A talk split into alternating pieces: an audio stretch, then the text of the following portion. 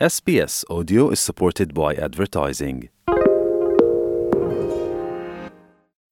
Vi ste uz SBS na Srpskom.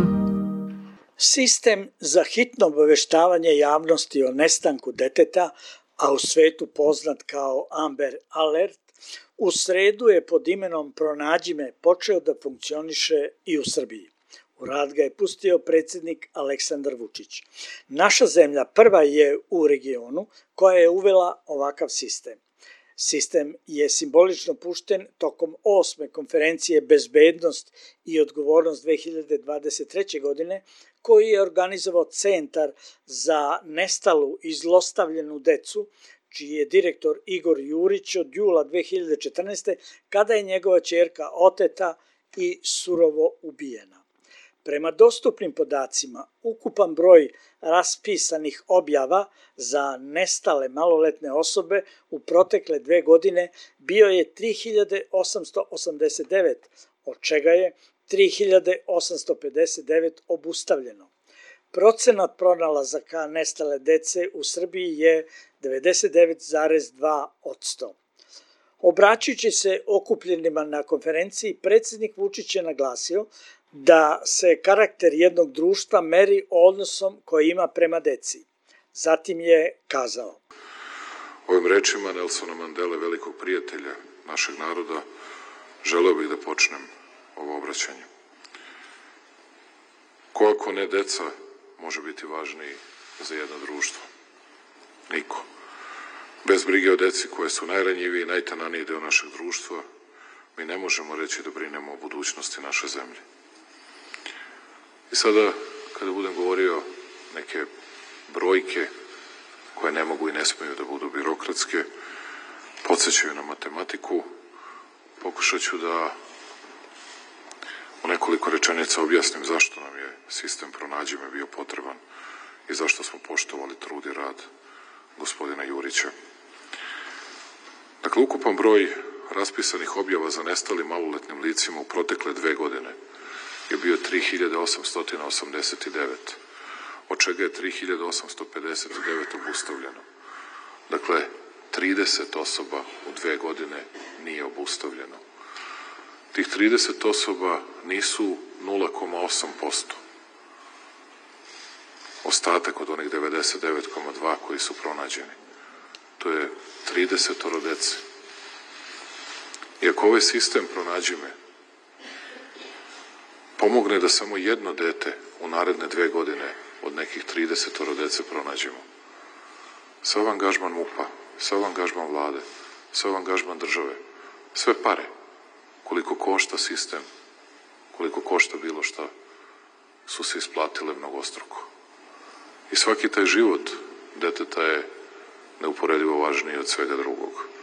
I ovo se zvuči kao patetična floskula ali je potpuno istinito.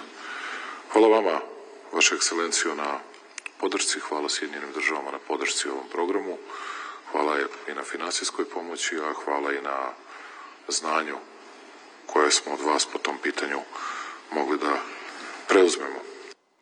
Predsednik Centra za nestalu i zlostavljenu decu i inicijator za pokretanje ovog sistema Igor Jurić kazao je da je njegov tim sa nevladinim organizacijama radio zajedno sa državom na njegovom uvođenju. Potom je nastavio. Mi smo evo osam godina, osmi put smo ovde i e, svake godine razgovaramo o temi koje su važne za bezbednost svakog deteta u našoj zemlji i mogu reći da smo zaista uradili mnogo toga do sada. Izmenjen je krivični zakonik, e, promenili smo zakon o policiji, evo, došli smo i do toga da je ovaj jedan toliko važan sistem zaživeo i ja mogu sa ponosom da istaknem da će ovo sistem biti prvi koji postoji u regionu. Dakle, nijedna zemlja u regionu nema uh, ovakav sistem i neće ga ubrzo ni imati, nažalost, e, zato što sam eto imao priliku da razgovaram sa predstavnicima uh, zemalja u regionu koji su rekli i zaista su impresionirani onim što mi danas imamo. Uh, osam godina e, mogu samo da, da mogu, mogu sam, može samo moj tim da priča o tome kroz šta je prolazio, na koja smo sve vrata kucali, koga smo vukli za rukav, e, bilo je tu i nerazumevanja, ali evo došli su dani kada zaista imamo puno razumevanje i samog državnog vrha. E, samim prisustvom ovde predsednik Vučić je pokazao i da jeste neko ko i podržava naš rad, ali i neko ko je zaista bio i najzaslužniji e, što je ovaj sistem zaživeo. Imali smo jedan razgovor pre nekoliko, nekoliko, nekoliko meseci gde smo razgovarali upravo i o ovom sistemu i o nekim drugim stvarima vezane za, za bezbednost naše dece. I ono što mi je imponovalo je bilo to što smo razgovarali ne kao predsednik i kao građani, nego kao otac tri deteta i jedan otac koji eto danas ima jedno dete, ali i drugo je tu, samo na nekom drugom mestu. Mediji su dužni da objave informaciju o nestanku maloletnog deteta odmah po prijavi i da ona ne sme da traje kraće od 20 sekundi. Informacija koja će biti emitovana ne sme ni u kom obliku ili sadržaju da se razlikuje od one koju je dostavilo nadležno ministarstvo.